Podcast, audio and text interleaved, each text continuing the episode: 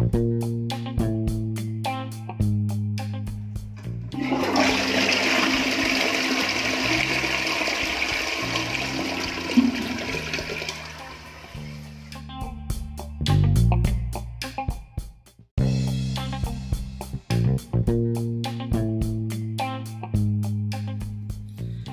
datang kembali di podcast Gugus. Rasanya sudah hampir satu tahun gue nggak bikin podcast ya. Rindu rasanya untuk ngomong lagi, bikin podcast, ngomongin tentang film ya. Karena gue lihat-lihat lagi film-film lama, gue dengerin lagi ternyata menarik ya bahwa dari sebuah film itu banyak banget pembahasan yang bisa dibahas, banyak pelajaran dan experience experience baru gitu dari sebuah film. Jadi menarik gitu untuk ngebahas uh, podcast gitu ya. Oke, gimana kabarnya teman-teman semuanya? Udah lama nggak jumpa ya. Iya. jadi yang jelas corona masih ada. Jadi tetap harus 3M. Apakah itu 3M? Mencuci tangan, menjaga jarak dan memakai masker. Jadi kalau ya udahlah, walaupun corona itu kayaknya tuh udah lama gitu ya ya tetap aja ikutin protokol ya dan kondisi sekarang lama nggak berjumpa lama nggak bikin uh, podcast gitu sebenarnya. Banyak banget sih sebenarnya teman-teman kerja gue apalagi yang kena uh, corona. Tapi alhamdulillah tuh sembuh gitu ya. Jadi itu adalah satu virus yang merusak ekosistem perekonomian tatanan dunia tapi bisa sembuh dengan vitamin gitu.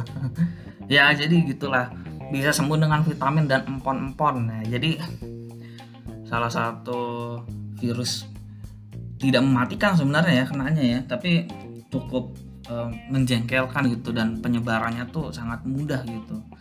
Jadi kalau kalian pernah nonton film Contagion nah itu benar-benar terjadi gitu. Tapi kalau Contagion kan langsung jadi apa namanya langsung mati kan di tempat gitu. Ya gitu deh ya. Terus uh, sebuah alasan kenapa gue lama nggak bikin podcast gitu karena tepatnya bulan Juli gue menikah. Alhamdulillah ya gue menikah tapi uh, ya dengan menikah itu kan berarti kan gue harus penyelesaian diri gitu kan. Harus menata rumah tangga gitu. Terus kebetulan juga setelah gue menikah uh, karena udah mau akhir tahun kan setelah bulan Juli selanjut selanjutnya tuh udah mulai akhir tahun pekerjaan itu makin hektik gitu pekerjaan di kantor. Ya walaupun gue tetap WFH WFO gitu tapi pekerjaan di kantor tuh uh, hektik sekali dan hektiknya itu nggak selesai-selesai sampai hari ini. Ini pun gue sebenarnya colong-colongan. Jadi saat WFH gue colong-colongan bikin podcast gitu ya. Oke. Topik pertama yang pengen gue omongin setelah hampir satu tahun gue nggak bikin podcast itu uh, ini gue sendiri ya. Gue nggak ada partner ya.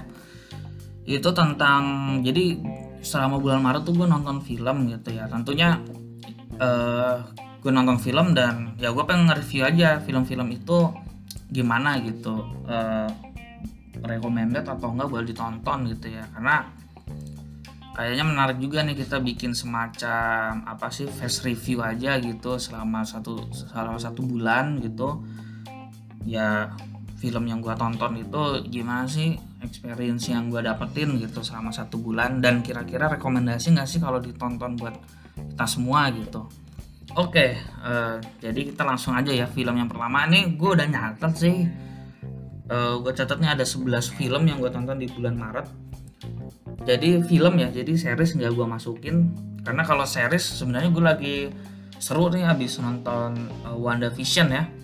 Dan itu menjadi satu film yang sangat unik ya eksperimentalnya uh, eksperimental menurut gua. Karena WandaVision itu satu film yang dia itu series anggaplah bisa dibilang series pertama MCU dan series yang sangat memainkan Easter egg gitu. Jadi menurut gua unik aja dan ceritanya itu solid banget. Terus gue juga nonton film apa sorry uh, film uh, series ya series yang baru juga ya Falcon and the Winter Soldier juga. Gue baru nonton episode 1 sih cuman Jumat kemarin episode 2 nya udah udah tayang tapi belum nonton gitu. Itu juga kelihatannya tuh bagus gitu. Nah gue lagi seneng senengnya uh, Marvel lah pokoknya. Dan Attack on Titan ini juga rame ya kalau bicara series ya bulan Maret ini. Attack on Titan juga rame. Uh, itu satu series anim yang ceritanya tuh sangat solid sih menurut gue oke ini ada 11 film yang gue tonton. Kira-kira uh, pendapat gue gimana sih tentang film tersebut jadi film yang pertama ini adalah Boss Level. Nah film pertama yang gue tonton ini Boss Level yang dibintangi oleh Frank Grillo kemudian disutradarai oleh Joe Carnahan ya. Yang katanya sih film ini sempat ke pending gitu jadi film ini ternyata dibuat tahun 2018 dan e, baru bisa ditayangin di Hulu ya itu tahun 2020 akhir ya atau 2021 ya. Karena gue nontonnya 2021 gue taunya 2021 gitu dan film ini menurut gue satu film yang sangat menarik karena film yang cukup badass gitu yang dibintangi oleh Frank Grillo ya. Karena Frank Grillo itu uh, eh, gue banyak nonton uh, sosok dia gitu kan yang terakhir di Captain Amerika kan gitu. Dan di sini dia benar-benar menjadi tokoh antagonis gitu kan. Artis baru lah kenanya ya artis baru berbadan kekar kemudian gayanya tuh selengean gitu. Kemudian uh, musuhnya itu artis senior Mel Gibson yang sebenarnya tuh orangnya selengean juga kan. Jadi dua orang selengean yang saling istilahnya berlawanan gitu. Dan film ini menariknya dia punya konsep uh, waktu loop ya loop time yang mana ya kalau bicara soal loop time itu kita mengingat film-film seperti Edge of Tomorrow, kemudian Palm Spring gitu ya, Happy Death Day, atau mungkin Short Scott gitu. Jadi ini sebenarnya formatnya sama sih, jadi bukan film dengan gaya bercerita baru. Tapi yang menjadi yang menurut gue ini menarik dan menurut gue ini baru karena film ini tuh sebenarnya kalau kita nonton Edge of Tomorrow kan Edge of Tomorrow dan Boss Level nih genrenya sama ya sama-sama action. Kalau Edge of Tomorrow itu dia berbicara tentang hero from zero gitu ya atau zero to hero ya gitu. Nah jadi gitu. Jadi kalau di Edge of Tomorrow tuh dari orangnya eh, nggak uh, bisa berantem jadi bisa berantem gitu. Kalau di Boss Level ini walaupun dia konsepnya time loop ya jadi time loop itu uh, orang kemudian dibunuh hidup lagi di tanggal yang sama berantem lagi mati hidup lagi di tanggal yang sama gitu aja terus sampai dia mendapatkan sebuah jawabannya gitu filmnya gitu. Kalau ini bedanya dia nggak zero to hero tapi memang sudah hero gitu. Dari awalnya si Frank Grillo ini atau uh, tokohnya itu namanya Roy Palver ya memang udah badass aja udah udah jago bertarung gitu. Tapi lawan-lawannya itu lebih jago bertarung lagi gitu. Jadi ya gitu. Uh, uniknya orang yang jago bertarung melawan musuh-musuh yang juga jago bertarung gitu. Yang bisa kita lihat jadi dari awal film kita melihat bahwa si uh, Roy Palver ini udah punya teknik pertempuran yang bagus gitu yang seru gitu yang nampol gitu. Jadi buat kalian yang suka nonton film yang hiburan gitu yang ditonton saat weekend kemudian sambil makan cemilan gitu. Ini ini film yang menurut gua yang cocok lah. Karena atmosfernya juga light gitu ya. Atmosfernya tuh nggak nggak dark. Kalau Edge of Tomorrow kan lebih dark ya. Kalau ini lebih lebih sembarangan gitu. Bos level ini lebih sembarangan. Jadi uh, akan fun lah dari awal sampai akhir tuh akan fun. Walaupun di film ini banyak darah ya. Terlebih di situ filmnya juga benar-benar ratingnya tuh dewasa gitu. Jadi banyak banget pukul-pukulan lah gitu. Banyak banget uh, violent uh, scenes ya. Jadi seperti itu. Uh, suatu hal menarik sih untuk film ini gue suka uh, sosoknya Guan Yin yang megang pedang tuh jadi setiap kali dia habis bunuh si Roy Palver dia selalu ngomong gitu uh, gue Guan Yin gue gue habis mengalahkan Roy Palver gitu. Jadi itu menarik banget tuh. Dan dia tuh jago banget uh, memainkan pedang. Dan pedangnya itu walaupun itu pedang tajam itu bukan katananya Jepang ya tapi itu pedang Cina gitu. Ya ada satu scenes di mana Mel Gibson ya si Kolonel Cliff Ventor yang diperankan Mel Gibson itu nanya kan ini katana bukan. Ini pedang Cina apa namanya? Pedang Cina itu itu menurut gue lucu aja gitu. Itu pedang pedang Cina kan. Dan ya maksud gue gue nggak ngatain bangsanya. Tapi kan e, definisi Cina kan kadang-kadang kita e, persepsi pertama kan bahwa Cina itu bisa bikin segala benda kan. Kalau bicara soal kekurangan banyak sih sebenarnya kekurangannya ya masih gue pertanyakan tuh kenapa membunuh satu orang gitu. Si kolonel Cliff Ventornya kok membunuh Ray Pulver yang juga dia sebenarnya nggak bersalah apa-apa harus mem-hire banyak pembunuh gitu. Walaupun ya endingnya ternyata ada time loop ternyata si Roy Pulver itu masuk ke dalam istilahnya kayak e, benda yang membuat time loop itu. Cuman kan pada saat itu si Mel Gibson si Kolonel Cliff nggak tahu gitu. Kalau ternyata si Roy itu punya punya dalam artian tuh punya time loop kan. Yang jadi pertanyaannya kenapa dia harus dibunuh? Dan yang kedua kenapa dibunuhnya harus dengan banyak pembunuh pembunuh bayaran gitu? Itu masih pertanyaan sih buat gue gitu. Kemudian filmnya terlalu jadi terlalu nggak begitu solid. Film ini sebenarnya penceritanya bagus gitu tapi ada beberapa titik yang sebenarnya minor sih menurut gue yang yang nggak terlalu solid karena di situ ada ada permasalahan ini juga apa namanya kiamat itu. Dengan satu benda yang time loop itu terus tiba-tiba kiamat gitu menurut gue nggak perlu lah yang kayak gitu gitu. Ya anyway buat kalian yang senang dengan hiburan gitu uh, senang dengan hiburan tapi ceritanya tuh masih bisa dimengerti lah. Jadi si Jo Kanahan ini bagus lah untuk bikin membangun cerita. Ini film yang sangat recommended lah. Oke okay, jadi skor dari gua untuk film Boss Level ini 7 per 10 ya. Film yang kedua. Film yang kedua ini adalah yang baru gue tonton kemarin ya hari Sabtu. Itu Godzilla versus Kong. Nah ini film yang menarik sekali sih menurut gue nih. Karena secara actionnya ini sangat grande gitu. Budgetnya nih Warner Bros kayaknya nggak habis-habis ya dia habis bikin Justice League dan sekarang Godzilla Kong nih menurut gua udah sangat pukul memukul gitu ya. Satu kota hancur ya Hong Kong hancur gitu. Oh iya uh, Godzilla vs Kong masih ada di bioskop ya. Dan ini film pertama yang gue nonton di bioskop gitu. Tentunya dengan protokol jadi antara gua dan yang lain jauh-jauhan gitu.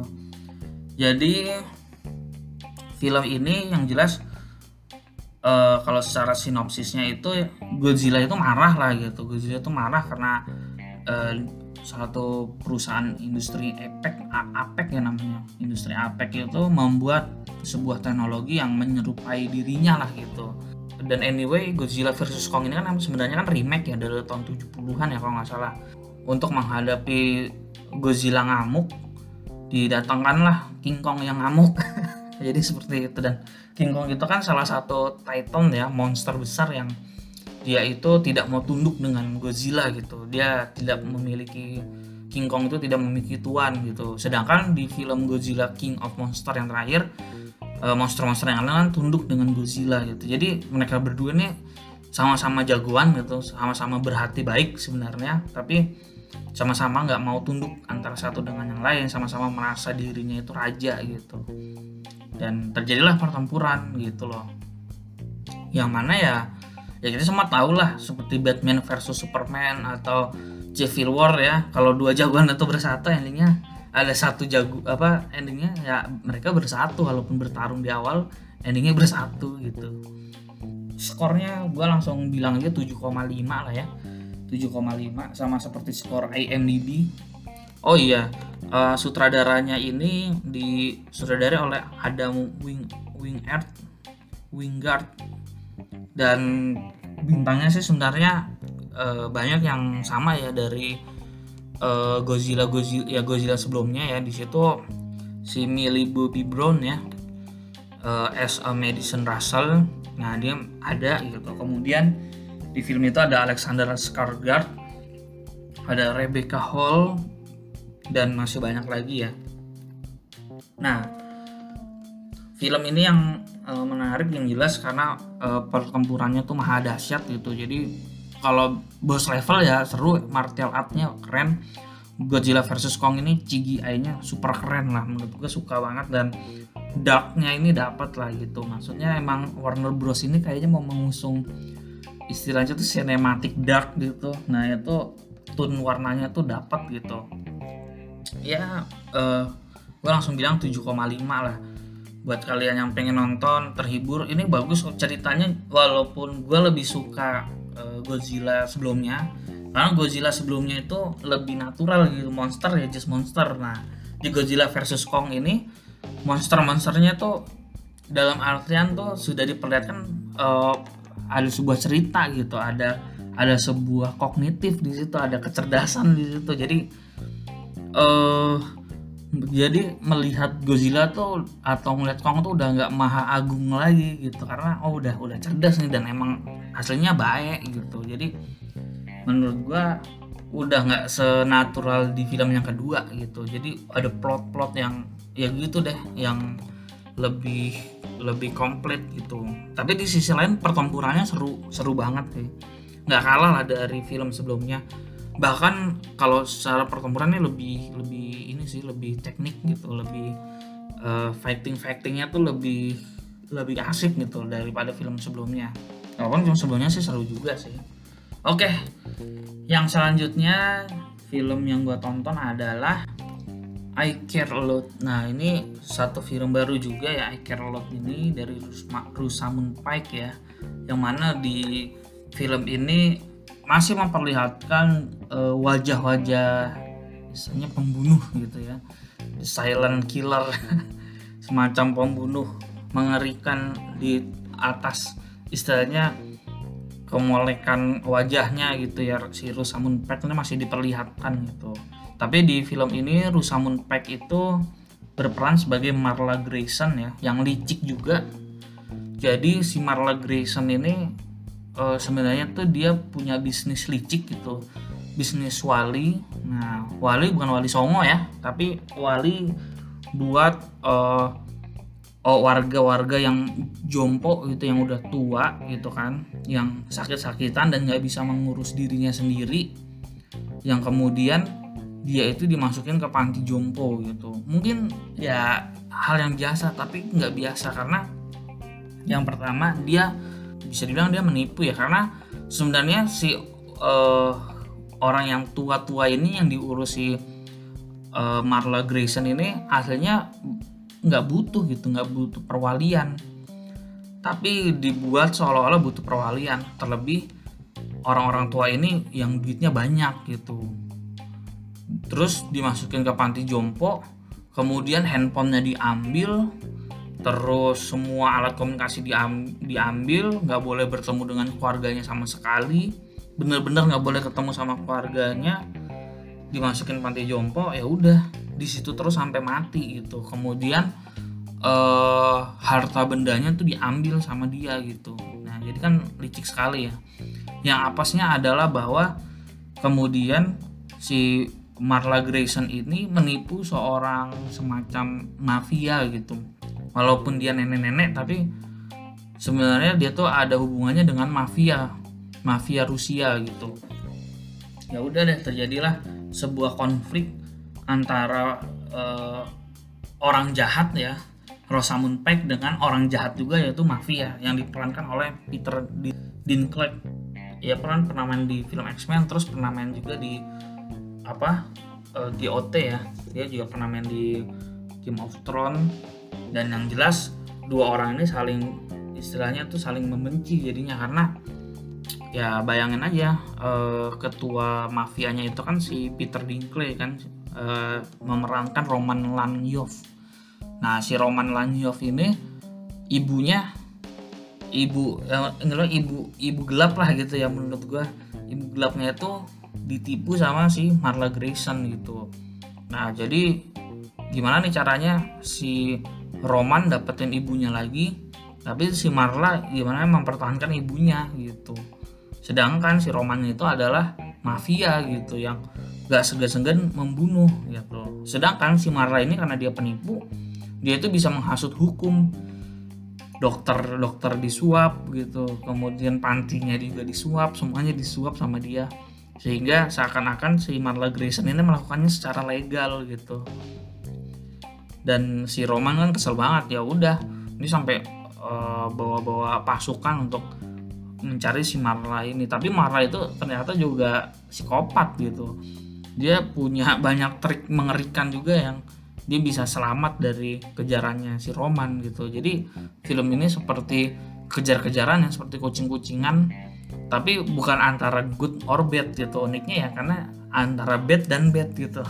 Yang saling uh, kejar-kejaran gitu. Yang menariknya itu. Jadi ada dark comedy di dalamnya. Dan memang filmnya ini kan uh, film dark comedy juga kan. Dark comedy dan thriller gitu. Film ini disutradarai, disutradarai dan ditulis oleh J. Blackson ya. Jadi ini juga film yang original juga. Dengan tema baru yang original juga jadi menarik sekali mungkin gue bisa kasih skor film ini 7 gitu. Dan kenapa 7 sih? Padahal film ini menarik sebenarnya bagus gitu. Karena menurut gue ada dragging yang di dragging cerita yang kok tiba-tiba nuansa-nuansa penipuan panti jomponya itu hilang gitu. Jadi ya hanya dua pertempuran penipu aja gitu. Dua pertempuran orang jahat aja. Itu yang menurut gue tuh agak sayang sih. Padahal kan film ini punya ambil isu yang begitu unik gitu tentang ya panti jompo gitu kan tentang penipuan panti jompo. Seandainya kalau ya gimana lah alur ceritanya tuh dipertahankan tentang penipuan panti jompo mungkin e, menarik gitu. Tapi di sini sempat keluar dari nuansa penipuan panti jomponya gitu di dua per tiga terakhir gitu. Walaupun endingnya menurut gua punya ending yang bagus sih gitu. Menurut gue endingnya itu tepat sekali sih. Itu menjawab semua keresahan penonton gitu. Ya jadi seperti itu ya.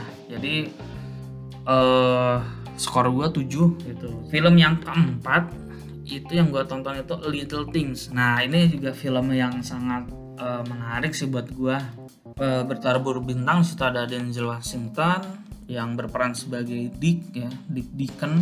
Ada Rami Malek yang berperan dia Rami Malek itu berperan sebagai uh, kayak detektif muda Jim Baxter. Kemudian uh, Jared Leto. Jared Leto itu tersangka yang apa tersangka paling kuat gitu yang di, uh, memerankan Albert Sparma. Nah tiga orang ini yang ya dalam artian tiga orang ini nih artis-artis uh, nama besarnya yang uh, mewarnai film Little Thing ini gitu. Dan Denzel Washington itu memerankan John Dick Deacon itu si Dick ini adalah seorang detektif senior. Jadi Jim Baxter itu detektif junior si Rami Malik uh, detektif junior si Dick itu detektif senior gitu. Yang sedang me, meneliti ya yang sedang menyelidiki menyelidiki korban pembunuhan e, berantai gitu. Jadi di sebuah tempat gitu ya di Los Angeles itu banyak sekali korban uh, yang jelas korbannya itu ngebuat di depresi ya polisinya gitu detektifnya gitu. Karena sampai uh, sebenarnya sih aslinya sampai akhir film ya. Kita belum tahu gitu sebenarnya uh, pembunuhnya tuh siapa gitu. Nah film ini ah ini harus berhati-hati karena film ini twist ya. Gue langsung aja gue kasih skor film ini sebenarnya 7,8 ya 7,8 atau 8 lah. Walaupun film ini banyak yang bilang kalau ah film ini biasa aja gitu nggak sehebat Seven atau film detektif yang lain. Enggak menurut gue film ini uh, penggambaran yang sangat apa ya penggambaran yang sangat menarik gitu. Karena kalau gue nonton film Korea itu yang uh, Memoir of Murder ya. Memoir of Murder gitu atau enggak zodiak gitu kan. Itu kan sebenarnya sama tuh konsepnya. Jadi diteliti diteliti sampai akhir kayaknya siapa nih pembunuhnya kan sulit gitu. Nah itu tapi film ini punya konsep yang di Little Things ini punya konsep pembaru yang lebih manusiawi gitu. Yang lebih bodoh lah gitu gue nggak mau cerita karena takutnya spoiler ya karena film ini juga kayaknya masih hangat sih kayaknya ya. Karena kan ini film e, baru tayang akhir Januari kan. Jadi yang jelas film ini mengajarkan kita tentang e, sebuah kemanusiaan apa ya namanya bahwa secara moral tuh sebenarnya si poli menurut gue ya secara moral nih polisinya itu uh, detektifnya itu kalah gitu secara moral. Tapi penjahatnya juga nggak se sekampret apa uh, zodiak gitu. Penjahatnya nggak sekampret zodiak atau nggak sekampret uh, seven gitu. Penjahatnya tuh biasa aja. Ini hanya penjahat pintar yang yang detektifnya bodoh gitu. Dan terjadi dan teralurkan secara natural gitu. Dengan ending yang menurut gua lah gitu. Oh gini ya bisa gini ya gitu. Bisa mengajarkan tentang oh polisi juga bisa gitu ya gitu. Gue susah sih untuk ngomongnya tapi yang jelas film ini punya istilahnya tuh punya konsep premis cerita yang origin gitu yang yang belum pernah gue tonton di film-film detektif lainnya sih. Dan dan ini film bagus banget sih gitu.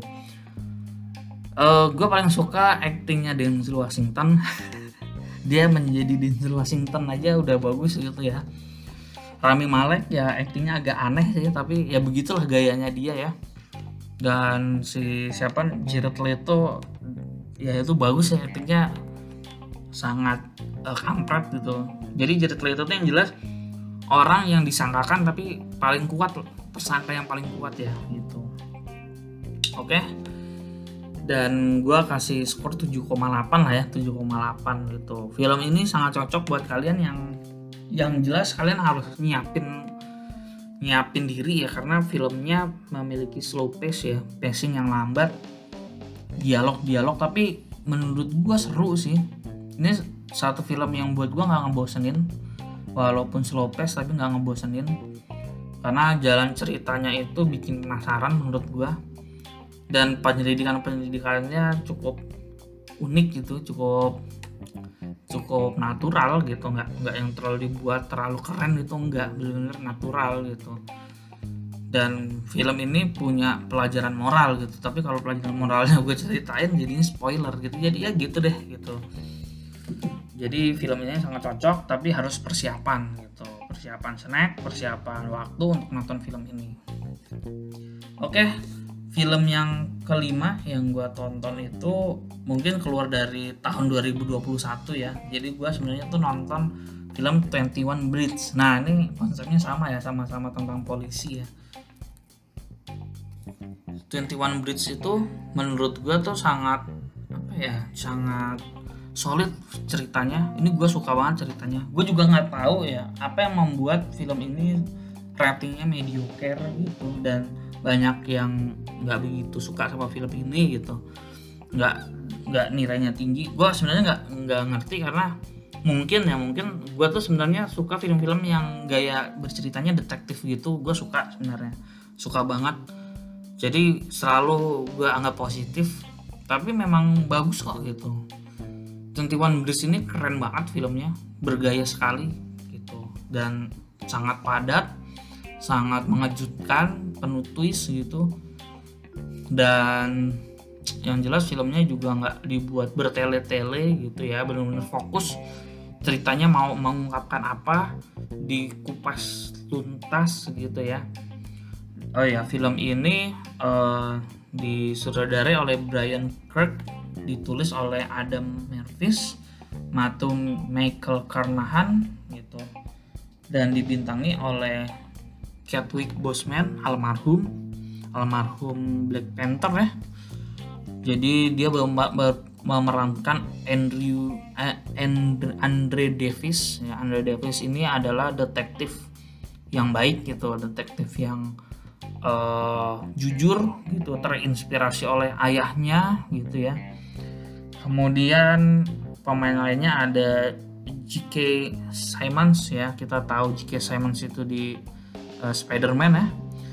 Sebagai Captain McKenna kemudian ada Sienna Miller ada Frank uh, memerankan Frankie Burns. Ada uh, penjahatnya ini nah kalau di film ini penjahatnya udah udah ketahuan sebenarnya. Itu uh, Tyler Kin Kins ya. Salah satu pemeran true detective juga. Dan film yang di Mars itu aduh namanya apa? Nah itulah pokoknya ya gue jadi lupa ya, film yang di Mars itu yang cepat dilupakan Tyler Kins itu memerankan Ray dan rekan kerjanya itu Stephen James memerankan uh, Michael gitu. Jadi ceritanya adalah Michael dan Ray itu mencuri sebuah heroin ya. Ya pokoknya narkoba gitu gue agak lupa jadi ceritanya memakan narkoba tapi karena tiba-tiba polisi datang dia membunuh 8 polisi gitu. Karena ternyata Michael dan Ray ini adalah uh, mantan tentara gitu mantan tentara yang dipecat yang kemudian mencuri uh, heroin tapi dikiranya heroin itu hanya 30 kilo ternyata ada 300 kilo gitu kan. Dan tergiur kan mau ngambil banyak juga nggak bisa juga tapi gitu. Ya istilahnya itu pusing lah gitu. Kemudian dia membunuh 8 polisi. Nah si Andrew Davis ditugaskan untuk mencari dua orang ini Michael Andre. Nah cuman anehnya kok polisi-polisi yang lain ini juga bernafsu nih. Kayaknya benci banget sama Michael Andre. Mungkin karena teman-teman polisinya delapan polisi ini dibunuh juga nih. Jadi polisi ini juga bernafsu buat membunuh Michael Andre gitu. Tapi si Andrew Davis punya fakta-fakta menarik lah gitu punya fakta-fakta menarik punya istilahnya argumen-argumen menarik bahwa orang ini ya mungkin kalau melawan dibunuh tapi tapi diusahakan jangan dibunuh lah gitu. Jadi seperti itu. Ya punya twist gitu yang menarik dan film ini juga memberikan pelajaran tentang kepercayaan juga ya bahwa kepercayaan itu eh, nggak uh, mudah gitu. Dan film ini yang jelas seru banget sih actionnya pas komposisi actionnya pas komposisi misterinya pas komposisi dialognya juga pas bagus gitu. Gue nggak ngerti sih nyari celah jeleknya tapi yang jelas kalau dibilang film ini film yang baru yang original storynya kuat enggak sebenarnya. Ini film yang uh, banyak format yang sama sih sebenarnya banyak gitu. Oke kalau menurut gua sih uh, skornya juga 7,8 ya menurut gua. Karena emang bagus banget dan menarik banget. Gua nontonnya dalam artian bener-bener pacingnya tuh sangat terjaga jadi gua nontonnya nggak bosan sampai akhir. Actionnya juga seru gitu. Ya jadi gue ngasih skor 7,8 ini sangat recommended buat kalian tapi juga tetap harus persiapan nontonnya ya karena sayang gitu kalau nontonnya tuh hanya hiburan doang karena film ini banyak banget istilahnya tuh buat gue sih emosinya masuk sih gitu menurut gue film ini ada titik emosionalnya juga gitu. Ya film selanjutnya adalah Tom and Jerry yang baru ya tahun 2021 oh ya dan anyway katanya di XBO itu sempat judulnya Tom and Jerry pas diklik Justice League ya. Jadi ngeri banget ya. Nah kita langsung aja ya. Uh, kita masuk ke Tom and Jerry. Jadi kalau bicara soal kesan sih Tom and Jerry gue agak apa ya kalau secara CGI menurut gue gue happy sih. Karena film ini menampilkan CGI yang mempertahankan originalitas gitu. Jadi kita bisa melihat Tom and Jerry zaman dulu dengan format yang baru gitu. Terlebih di situ ditambah efek-efek uh, hujan gitu ya yang paling keren tuh. Bagaimana uh, mereka itu membuat mendevelop uh, efek dua dimensi yang kartunya terjaga tapi ketika ada hujan tuh hujannya bisa bagus gitu. Mas netes ke ke kartunnya itu bisa bagus gitu. Nah itu yang itu yang menurut gue positifnya dari film Tom and Jerry. Filmnya juga sangat mempertahankan kejar-kejaran kucing dan tikus ya si Tom and Jerry-nya gitu. Dan itu juga yang menurut gua nostalgic gitu. Jadi buat kalian yang menonton film Tom and Jerry pada masa lampau ya. Uh, sitkom kartun lah gitu ya sitkom kartun yang silent jadi yang nggak terlalu banyak dialog ya. Dan memang ada dialog ya malahnya kalaupun ada dialog sangat sedikit ya karena memang format film zaman dulu ya. Jadi ya kita bisa apa namanya bernostalgia di Tom and Jerry ini. Film ini disutradarai oleh tim story ditulis oleh William Hanna Joseph Barbera dan siapa nih? Saat one more creditnya kemudian eh, dibintangi oleh oh one more creditnya ini Kevin Costello. Kemudian dibintangi oleh uh, Chloe Garrett Moretz yang main di filmnya Kick Ass ya. Jadi si Chloe ini berperan sebagai Kayla Kayla ini adalah seorang apa ya mungkin entah penipu entah orang nggak punya duit atau apa gitu yang kemudian masuk sebagai manajer lah gitu di sebuah hotel termewah di New York gitu. Di Royal Gate Hotel gitu ya. Kemudian salah satu manajer seniornya itu ada Michael Pena. Yang Michael Pena ini membintang uh, apa namanya membintangi uh, karakternya itu Teres ya seorang apa sih namanya ya gitu ya uh, manajer hotel yang udah lama gitu yang kebetulan pada saat itu ada pernikahan uh, maha besar lah gitu asik maha besar pernikahan yang cukup uh, besar gitu oleh Prita dan Ben. Nah, jadi ya gitu ya. Uh, intinya kemudian di hotel si Jerry masuk, ada tikus, orang-orang panik dan kemudian dia meng, uh, hire Tom untuk menyelesaikan permasalahan dengan si uh, tikus gitu loh. Dan kemudian ya udah deh jadi kejar-kejaran bukannya beres malah seluruh hotel jadi kacau jadi gitu. Kalau melihat kualitas ceritanya jujur ya kualitas ceritanya sih menurut gue agak kurang gitu. Buat penonton dewasa itu yang gue juga nggak ngerti ya. Sebenarnya apa memang tim story ini udah dalam artian tuh udah udah bekerja secara maksimal gitu sehingga ya mungkin memang film format zaman dulu nggak bisa dibawa ke zaman sekarang gitu. Itu gue juga bingung sih. Atau memang ceritanya emang emang kurang gitu yang sebenarnya bisa dikulik lagi menjadi lebih baik gitu. Nah itu yang menjadi pertanyaannya ya. Ya tapi untuk sebuah nostalgic dan untuk sebuah hiburan sih menurut gue masih fun lah ya gitu. Tapi kalau disebut fun juga dari cara cerita jadinya agak boring sih menurut gue di tangan cerita tuh agak membosankan jadi bisa buat tinggal buat bikin kopi dulu. Gitu bikin kopi buat apa namanya ke dapur dulu kamar mandi udah filmnya mulai aja gitu. Udah nyampe mana? Udah nyampe sini gitu. Nah itu Tom and Jerry ya. Ya gitu sih. Kalau menurut gua gua akan menilai film ini mungkin 6 lah gak nyampe 5 ya kalau gua baca di IMDb bahkan skornya 5,2 ya. Kalau gua sih gua pikir ya 6 lah cukup lah ya karena secara nostalgia secara pertarungan apa tikus kucingnya masih sangat kental berasa gitu masih banyak lah masih oke okay lah gitu. E, rekomendasi film ya buat kalian yang punya anak kecil sih ya kali ya. Buat keluarga untuk nostalgia ya cukup e, cukup aja gitu rekomendasi tapi cukup aja gitu. Nggak kalau nggak punya waktu buat nonton film ini juga nggak usah terburu-buru sih gitu. Jadi ya udah deh kalau ada waktu nonton film ini aja gitu. Bersama keluarga atau enggak buat kalian yang punya anak kalian bisa cerita sama anak kalian nih. Sebenarnya tontonan ayah tontonan ibu pada masih kecil gitu. Nah inilah Tom and Jerry. Tapi secara cerita sangat nggak memorable dan sangat nggak ya gitu kurang lah gitu. Ini menurut gue ya. Oke, film yang selanjutnya, gue nonton film jadul juga sih, itu The Man from Uncle ya. Yang mana film itu sebenarnya gue udah pernah nonton di bioskop. Dan sebenarnya pas di bioskop tuh gue ketiduran waktu itu. Kayaknya mungkin gue lagi capek banget gitu. Jadi padahal film ini sebenarnya bagus sih. Sebenarnya film ini punya muatan komedi ya komedi ala alanya Guy Ritchie ya. Jadi ini film yang disudarai dan ditulis oleh Guy Ritchie.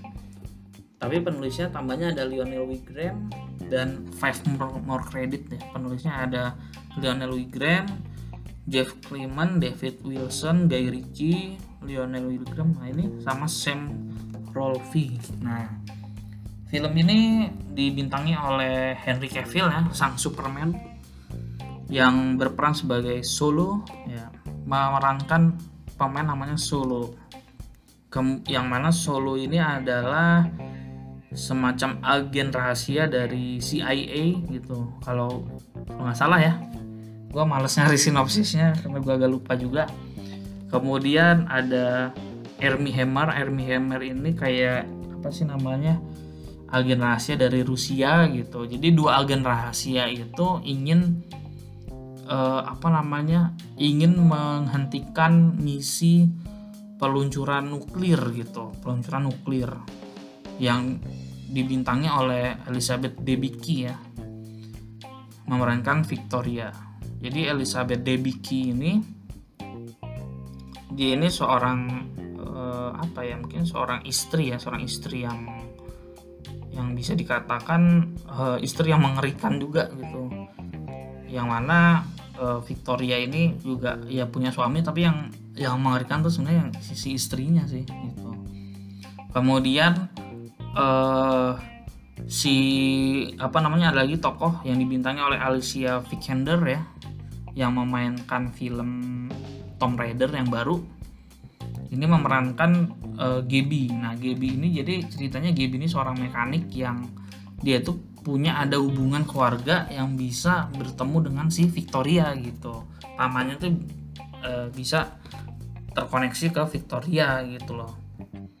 Yang mana ternyata mungkin ya spoilernya si Gaby itu sebenarnya punya misi rahasia juga lah gitu ya. Ternyata dia juga orang penting juga gitu ya yang unik film ini karena ada dua pertempuran dua pria ganteng ini saling berlawan-lawanan antara Rusia dan Amerika gitu. Ada celoteh-celotehan gitu untuk apa namanya untuk menyelesaikan sebuah misi gitu. Banyaklah celotehan-celotehan unik. Seperti contohnya uh, di situ ada ada apa namanya persaingan menyadap ya persaingan menyadap. Jadi si Solo nyadap Ilya Ilya nyadap Solo gitu. Jadi lucu banget. Ini teknologi Rusia nih. Oh gue dah si Solo udah ngambil alas sadapnya nih gue balikin ke lo nih teknologi Rusia. Nah si Ilya juga ngomong nih teknologi Amerika biasa aja gitu. Jadi ya lucunya di situ deh. Kemudian waktu pertempuran bahwa si Ilya tuh sangat action kemudian Solo tuh punya cara yang lebih efisien gitu. Tapi e, bodoh gitu. Ya jadi seperti itulah. Termasuk buka kunci aja sampai saling berebut buka kunci gitu. Oh ya gue lupa cerita bahwa orang Rusia dan orang Amerika ini intinya mau nggak mau harus bersatu gitu untuk untuk menggagalkan misinya si Victoria ini gitu. Jadi orang Rusia dan Amerika yang sebenarnya hasilnya secara politis bertarung harus bersatu lah gitu. Yang tadinya ya secara politik harus bermusuhan tapi karena ada misi tertentu dia harus bergabung gitu harus menyelesaikan misi bersama makanya mereka berdua tuh saling nggak mau kalah gitu. Nah itu uniknya di situ. Film ini menarik ya. Ada celotehan-celotehan dark komedi ala uh, Guy Ritchie yang nggak bisa di nggak bisa ditemukan di sutradara lain ya. Even itu Quentin Tarantino Guy Ritchie ya Guy Ritchie aja gitu. Kemudian uh, film ini punya alur sebenarnya kalau action actionnya nggak banyak sih tapi pas lah ya actionnya nggak nggak sedikit banget seru lah. Actionnya juga ada uh, seru-seru juga gitu. Kemudian pengambilan gambar sinematografinya bagus sih menurutku bagus banget. Ya lagi-lagi Warner Bros ya. Itu bagus banget ya. Jadi nuansa-nuansa Sherlock Holmes-nya tuh dapat gitu. Ya bagus lah gitu filmnya. Tapi mungkin buat gua nonton film Guy Ritchie itu nggak terlalu impress sih nggak terlalu kayak pengen nonton lagi nggak terlalu sih karena mungkin dialog-dialog konsep yang ada di kepala kepalanya Guy Ritchie itu terlalu idealis gitu. Jadi uh, kalau disebut hiburan tuh sebenarnya hiburannya nggak terlalu menghibur sebenarnya film filmnya Gary kecuali Sherlock Holmes ya. Film ini sebenarnya nggak terlalu menghibur sih menurut gua. Jadi ada sisi idealisnya Guy Ritchie gitu tapi bagus gitu. Mungkin gua bisa bilang film ini 7,5 lah ya 7,5 skornya. Rekomendasi film ini yang jelas film ini yang jelas kalian harus tonton lah gitu. Apalagi buat cewek-cewek gitu kan yang pengen lihat cowok-cowok ganteng berbadan kekar dan sangat ya maskulin gitu. Nah nonton film ini aja gitu. Jadi silahkan nonton tapi buat yang seneng film-film spionase ini juga bagus gitu rekomendasi sekali jadi satu film yang seru dan memungkinkan buat sequel. Jadi kalau tiba-tiba ada The Man from Uncle 2 ya kita tahu lah latar belakang dari film yang pertamanya gitu. Oke film yang selanjutnya adalah yang baru gue tonton baru juga adalah ini Space Sweepers. Nah, film dari Korea. Space Sweeper ini sebenarnya bisa dibilang tuh kayak pemulung angkasa lah ya. Pemulung angkasa gitu. Karena emang kerjaannya mulung gitu. Nah yang jelas film ini ini seru ya. Film Star Wars Korea gitu. Jadi oh ya film ini disutradari dan ditulis oleh Sung Heng Jo Sung Hye Jo bintangnya Sung Jong Ki ya. Yang main di film apa namanya Descendant Sun ya kalau nggak salah ya terus ada Kim Tae-ri, Seon Kyu-jin gitu. Kim Tae-ri itu berperan sebagai Kapten Jeng. Nah Kapten Jeng ini dia tuh ahli pesawat gitu ya. Punya alat-alat canggih. Song Joong Ki ini e, berperan sebagai Taiho. Taiho gitu. Taiho itu e, dia kayak e, supir pesawat lah ya. Pilot gitu ya Kemudian Seon Kyu Jin itu sebagai Tiger Park. Nah, Tiger Park ini mantan kartel narkoba di dunia di bumi itu. Kemudian dia keluar angkasa sebagai timnya Victory dia sebagai ini yang istilahnya mesin lah bagian permesinan, bagian fisik. Kemudian e, robot ya itu diperankan oleh Hai Jin Yu. Itu robot yang pengen jadi manusia. itu juga lucu sih menurut gua. Gitu. Kemudian ada lagi Richard Armitage itu sebagai Sullivan. Nah jadi ceritanya tuh begini. Ceritanya itu sebenarnya ceritanya agak rumit sih menurut gua. Tapi coba buat gua sinopsiskan sebentar ya. Jadi uh, bumi itu udah kacau lah gitu ya. Bumi kacau kemudian si Sullivan ini dengan perusahaannya itu perusahaannya itu UTS namanya punya ide untuk uh, yaudah manusia itu ke luar angkasa gitu luar angkasa. Entah ke Mars ya ke Mars kalau nggak salah ke Mars. Tapi yang bisa masuk e, dunianya UTS yang masuk warganya UTS itu orang-orang khusus doang gitu. Jadi semuanya tuh dikapitalisasi terusan gitu. Bumi udah kacau bukannya dirawat tapi malah pergi keluar angkasa tapi semuanya dikapitalisasi. Sehingga ada ada kelas sosial yang tinggi ada kelas sosial yang rendah. Nah timnya Sung Jong Ki ini gitu itu sebenarnya di kelas sosial rendah gitu. Yang kemudian dia punya pesawat namanya pesawatnya itu Victory. Yang tugasnya itu ya mengumpulkan puing-puing apa sih namanya puing-puing sampah uh, luar angkasa gitu loh sampah luar angkasa. Nah saat dia bekerja dia nggak sengaja menemukan seorang uh, bocah bocah cilik ya wanita gitu yang sangat imut. Itu bernama uh, Dorothy atau Kotnim uh, nama aslinya itu Yerin Park ya diperankan oleh Yerin Park. Yang setelah diambil ya udah kan eh anak kecil lo bapaknya sopo gitu kan bapaknya siapa? Nah ternyata masuk berita anak kecil itu si Dorothy itu masuk berita karena bisa membawa bom gitu. Bahwa dia itu se seorang android sesosok android robot android yang berbahaya yang bawa bom yang mengerikan gitu. Nah ke sana ke sananya kemudian konspirasi demi konspirasi aksi demi aksi itu berlanjut bahwa ternyata anak kecil si Dorothy ini ternyata diinginkan banyak orang lah gitu. Diinginkan banyak orang di sisi lain karena Victory Team ini juga butuh uang pengen ngejual ke orang lain mau ngejual ke orang lain tapi ternyata terjadi konflik dan lain sebagainya konspirasi demi konspirasi terbuka dan ternyata Victory ini malah masuk ke misi yang lebih besar misi kemanusiaan yang lebih besar gitu. Yang juga di sisi lain membuat mereka kaya juga gitu.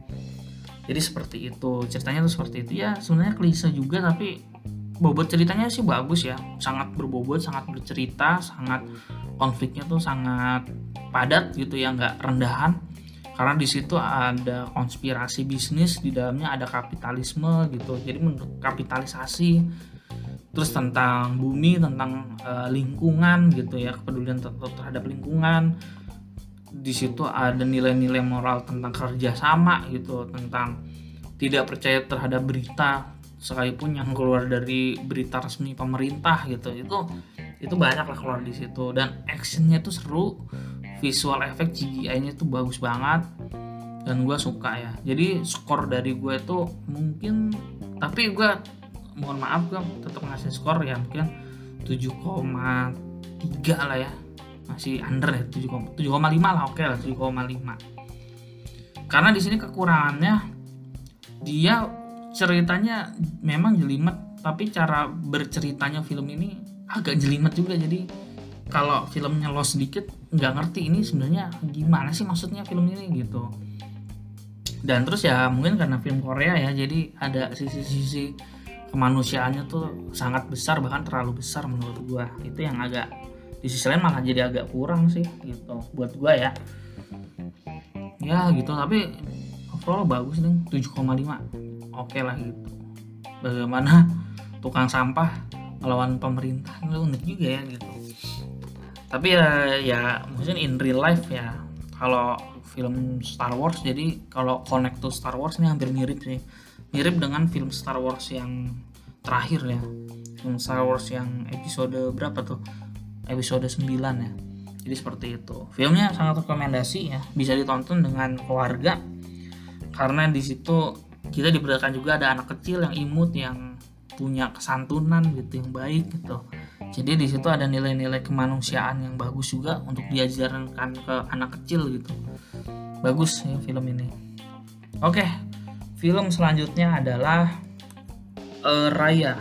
Raya Endless Dragon. Nah Raya Endless Dragon ini film yang menurut gua uniknya karena dia punya latar belakang Asia Tenggara ya. Mungkin mungkin Filipina Vietnam mungkin Indonesia mungkin Thailand gitu ya. Gua nggak ngerti ya.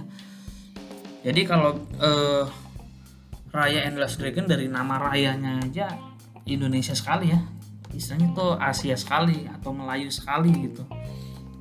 Raya Endless Dragon gitu ya. Dan sebenarnya gue juga, sendiri juga nggak tahu ya connect tuh apa kenapa Asia Tenggara itu dikaitkan dengan naga. Sedangkan naga itu sebenarnya kentalnya kan ke Cina sebenarnya kan ya kentalnya kan nggak ke Asia Tenggara gitu. Tapi ada apa dengan naga gitu? Mungkin ada uh, istilahnya cerita rakyat yang gua nggak tahu gitu. Nah kalau ada yang tahu bisa dicari. Sehingga kita tahu nih ini negara mana nih sebenarnya? In real life nya uh, Last Dragon ini sebenarnya cerita dari negara mana? Ya jadi gitu ya ya film ini disutradarai oleh Don Hal Carlos Lopez Estrada dan sutradara lainnya banyak sekali penulisnya ada Huinglian, ada Lim dan 8 penulis lainnya banyak sekali. Saya malas ngeklik lah ya. Bintangnya ada Kelly Marie Trent sebagai Raya, ada Aquafina sebagai Shizu. Shizu itu naganya gitu ya. Jadi naganya itu bisa ngomong. Ada Gemma Chen, Gemma Chan sebagai Namari, dan lain sebagainya. Intinya intinya tuh uh, ada seorang monster ada segerombolan monster sorry ya segerombolan monster yang bisa merubah makhluk hidup menjadi batu gitu. Yang kemudian kira-kira ada Shizu ini gitu. Manusia selamat tapi naga-naga tetap tetap jadi batu gitu. Nah, jadi ada kaum naga ada kaum manusia. Kaum manusianya jadi batu karena monster itu naganya juga jadi batu. Tapi ada satu naga nih namanya Shizu yang The Last Dragon ini menyelamatkan gitu dengan jadi saudara-saudaranya tuh ngumpulin kekuatan sihir kekuatan naga dikumpulin jadi satu jadi bola gitu kemudian ditaruh ke dikasih ke Shizu gitu. Kemudian dengan kekuatannya Shizu sebagai The Last Dragon ini dia apa namanya mengalahkan musuh gitu. Kemudian Shizu menghilang dan eh, apa namanya manusia bukannya bersatu bukannya bersyukur tapi malah terpecah menjadi lima negara gitu. Menjadi lima negara dan lima-limanya itu punya keinginan untuk memiliki sihir dari batu tersebut gitu. Kemudian lima-limanya ini berebut ya, saling uh, dorong mendorong. Tak sengaja lima sebuah bola, apa namanya bola sihirnya itu pecah menjadi lima kepingan gitu. kemudian diambil lima negara tersebut yang kemudian uh, karena kepingan apa namanya bolanya itu hancur monsternya tuh kembali lagi gitu meneror kembali hidup lagi ke bumi gitu. Dan untuk menyelamatkan itu ya si Raya harus mengumpulkan lima kepingan itu menjadi satu baru uh, bisa si monsternya itu mati kembali gitu. Ya intinya tuh gitu. Nah jadi kita bisa tahu Raya itu berpetualang untuk mencari empat batu lainnya yang mana setiap batu ya istilahnya kan karena lima negara ini saling bermusuhan ya jadinya dia harus bertemu dengan empat musuh gitu. Walaupun ada satu musuh yang dia tuh paling nafsu lah gitu ya. Ya ceritanya seperti itu. Kemudian uh, film ini sangat kental dengan budaya Asia Tenggara jadi sangat fun yang lihatnya tuh ada eksplorasi antropologi budaya kita di Hollywood gitu itu sangat bagus. Kemudian kalau uh, visualnya ya sangat Disney ya. Pertempurannya seru gitu. Ada berapa sinematografi yang di akhir itu yang si Raya bertempur dengan Namari ya kalau salah ya. Itu juga seru banget gitu. Bagus sih menurut gua. Tapi ya mungkin ceritanya ini apa ya mungkin karena ini buat anak-anak ceritanya nggak terlalu masuk itu ya terlalu like ya ini dark apa like ya maksudnya? Saya juga bingung ya. Yang jelas ceritanya itu nggak nggak nggak membuat gue terkesan secara emosi gitu. Karakternya nggak terkesan tapi sebenarnya bagus gitu. Film ini punya pelajaran moral tentang kepercayaan. Nah itu bagus. Tapi film ini tentang kepercayaan tuh nggak terlalu diliatin banget gitu. Maksud gue kurang aja yang dieksplor. Kayaknya sih ya. Saya apa pun itu gue ngasih skor 7 lah untuk film ini film ini 7 gitu ya. Jadi ya bagusnya sih banyak sih tentang pelajaran buat anak-anak itu masih bagus gitu ya. Oke yang terakhir. Mungkin yang terakhir ya. Sebenarnya gue nyatet nih. Yang terakhir itu ada Justice League Zack Snyder's Cut nah film yang ditunggu-tunggu. Langsung saja gue akan ngasih skor 8 untuk film ini. Walaupun kalau disandingkan dengan Marvel Marvel gue kasih nilai 9,5 tapi ya ini 8 lah gitu. Ini ini film yang jauh jauh jauh lebih bagus daripada Justice League tahun 2017 ya. Jadi ya kita bisa tahu ya Justice League tahun 2017 itu kan itu kan dari Joss Whedon kan kalau nggak salah ya. Jadi uh, istilahnya kan dari Joss Whedon itu jadi ada perbedaan visi gitu kan. Yang tadinya uh, Justice League itu dark kemudian tiba-tiba jadi fun seperti Marvel. Ya walaupun gue tetap suka dengan Marvel. Nah apa yang membedakan Zack Snyder apa namanya apa yang yang membuat gue yakin bahwa Marvel itu sebenarnya bagus? Faktanya gitu, faktanya yang terlihat bahwa kok bisa gitu ya seorang Joss Whedon yang sangat bagus membuat Avenger gitu yang sangat mendunia yang sangat fenomenal gitu. Tiba-tiba bikin Justice League jelek banget gitu. Karena ketika dilihat dikoreksi oleh Zack Snyder kita bisa lihat bahwa Joss Whedon jelek banget gitu bikin film gitu. Gue gak ngerti ya. Jadi gitu uh, kenapa apa namanya kenapa Marvel itu begitu bagus ternyata bukan terletak dari sutradaranya gitu. Tapi terletak ya mungkin dari Kevin Feige-nya gitu punya punya visioner yang apa visi yang visioner gitu. Punya Marvel tuh punya kualitas cerita gitu punya quality control story gitu yang membuat gua ketika Joss Whedon keluar dari cangkangnya gitu dia menjadi istilahnya dia tuh menjadi sosok yang lemah gitu yang yang ya bikin filmnya jadi gitu jadi kacau gitu. Dan kembali lagi diperbaiki Zack Snyder ya habis-habisan diperbaiki dan jadi jauh banget jadi bagus. Dan di situ gue kembali lagi bisa menikmati Batman yang badass ya badass Batman. Karena di film Batman versus Superman itu gue bisa melihat Batman tuh keren banget bertarungnya ya dan di sini gue bisa ngeliat Batman tuh makin keren lagi bertarungnya gitu. Jadi sangat jauh ya kalau di film sebelumnya Batman Justice League sebelumnya uh, Batman tuh kayak ya nggak berguna gitu. Kalau yang di sini Batman tuh uh, useful banget gitu. Jadi itu kesan pertama yang langsung gue highlight gitu ya bahwa Batman itu keren di sini. Dan itu gue juga sangat happy karena gue favorit gue Batman. nah terus uh, yang jelas film ini masih sama ya. Jadi ya mengumpulkan intinya tuh mencegah kehancuran dunia dengan mengumpulkan sebuah otak gitu ya buah box mother box itu supaya mother boxnya itu nggak nggak jadi satu lah gitu ya.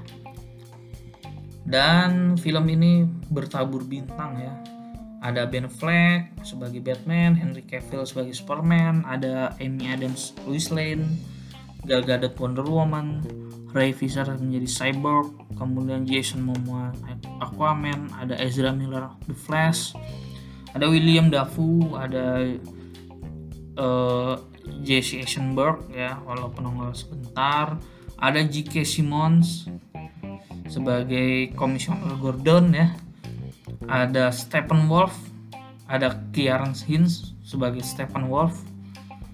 Nah jadi seperti itu filmnya e, bertabur bintang bertabur action sangat dark alur ceritanya jelas clear side to side e, pemainnya benar-benar diceritakan dengan porsi yang bagus dengan porsi yang banyak gitu sehingga kita bisa kenal semua pemainnya benar-benar terdevelop dengan baik termasuk Stephen Wolfnya sendiri benar-benar diperlihatkan lebih garang gitu ya terdevelop dengan baik.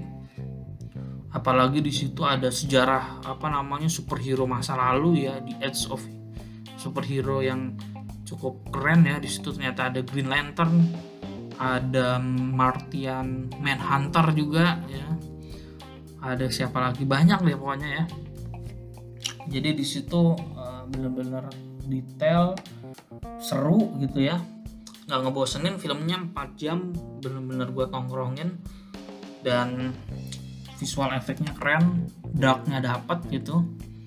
Dan di situ uh, eh, gue meyakini bahwa ya begitulah Warner Bros. dan DC gitu ya. Warner Bros. itu kan memang uh, dia yang bikin Superman kan ya memang Warner Bros. itu ya Superman gitu. Dia tuh perusahaan Superman. Walaupun sorry ya kurang super team gitu. Kalau bisa ya antara satu film dengan film yang lain kualitas ceritanya tuh bisa beda jauh. Dan ya gue syukur Zack Snyder mau ngelanjutin projectnya. Walaupun apa namanya Warner Bros. sudah sempat kayaknya terjadi konflik apa ya? Karena kan sebelumnya katanya eh, ponakannya meninggal ya Eh, dari Zack Snyder ya ponakan atau anaknya gitu ya meninggal. Yang kemudian dia nggak mau ngelanjutin lagi tapi katanya juga itu hanya isu gitu. Dan sekarang Zack Snyder mau melakukan lagi tapi dengan format uh, layar screen 3 banding 4 rasionya itu juga cukup aneh sih gua. Apa untuk handphone? Katanya si Reza sih bagus kalau untuk handphone. Iya juga sih buat tonton yang bagus buat handphone tapi ya kita harus nunggu versi XBO nya ya sempat gue katakan kenapa Marvel itu lebih bagus daripada oh, DC ya DC Extended Universe. Karena di film ini ya tetap aja ya bahwa Darkseid-nya itu punya tujuan untuk kekuasaan dan dendam gitu. Sedangkan kalau di filmnya Marvel ya sosok Thanos itu dia punya misi yang lebih besar daripada dirinya sendiri daripada dendam dan kekuasaan gitu. Kalau di maaf di Thanos ini Thanos itu punya misi untuk menyelamatkan bumi tapi dengan cara yang salah. Tapi kalau Darkseid ini ya just for revenge gitu hanya denda hanya nafsu yang nggak berkeujungan gitu. Ya jadi seperti itu itu yang menurut gue sih agak disayangkan sih. Karena uh, musuh bebuyutan yang paling mengerikan aja uh, apa namanya tujuannya hanyalah dendam dan kekuasaan gitu. Kalau ketika lu udah punya kekuatan yang super kuat kalau tujuannya hanya kekuatan ya jadinya klise lah ya. Ya elah ini masih cetek gitu. Tapi ya pertempuran maha dahsyat ini ternyata Stephen Wolf itu juga masih nggak ada apa-apanya ya dibandingkan Superman gitu dan Superman itu ya akhirnya muncul tapi terakhir gitu ya. Itu juga yang paling ditunggu-tunggu tapi ketika muncul langsung keren banget. Banyak scene-scene keren. Ini Zack Snyder sinematografinya komposisi kameranya keren banget. Kemudian komposisi sinematografinya tuh bagus banget. Gue nggak ngerti ini Zack Snyder keren banget ya. Kalau udah urusan film action gitu. Bener-bener yang brutal brutality violence-nya udah nggak terkira-kira apalagi memang eh, ratingnya kan dewasa ya. Luar biasa gitu ya. Ya tapi gue masih sangat mempermasalahkan tentang rasionya kenapa 4 banding 3 gitu ya. Gue masih berharap sih seandainya ada rasio 16 banding 9 gitu. Atau nggak full frame aja juga sekalian gitu ya. Kenapa nggak gitu? Ya tapi buat kalian yang jelas ciptakan waktu yang tepat ya untuk nonton film ini karena 4 jam bro dan setiap scenes-nya itu penting setiap scenes-nya itu bagus. Sehingga kalau kelewatan juga sayang ya. Kalau kalian pergi ke kamar mandi dan kelewatan scenes-nya menurut gue juga sayang gitu. Karena semuanya bagus. Sinematografinya juga bagus banget. CGI-nya bagus banget gitu ya. Jadi gue kasih nilai 8 ya. Gitu. Yap ini semua film yang gue tonton di bulan Maret. Udah satu jam gue ngomong dan apa namanya gue berharap ya film-film juga makin sukses makin apa namanya makin besar gitu ya. Karena corona juga kayaknya pembatasan sosial juga semakin dikendorin kan. Seharusnya kita berharap semua bahwa film-film yang sempat ke pending di tahun 2020 ya James Bond gitu terus uh, Black Widow Free Guy apalagi ya. Banyak deh pokoknya ya kita juga menantikan Batman gitu ya. Ya semoga bisa tayangnya itu nggak diundur-undur terus. Katanya sih udah diundur ya. Beberapa film udah diundur ya. Semoga nggak diundur lagi lah gitu ya. Fast and Furious 9 juga masih menunggu gitu. Ya dan masih banyak lagi. Oke terima kasih. Ya gitu deh. Selamat selamat datang kembali. Bye bye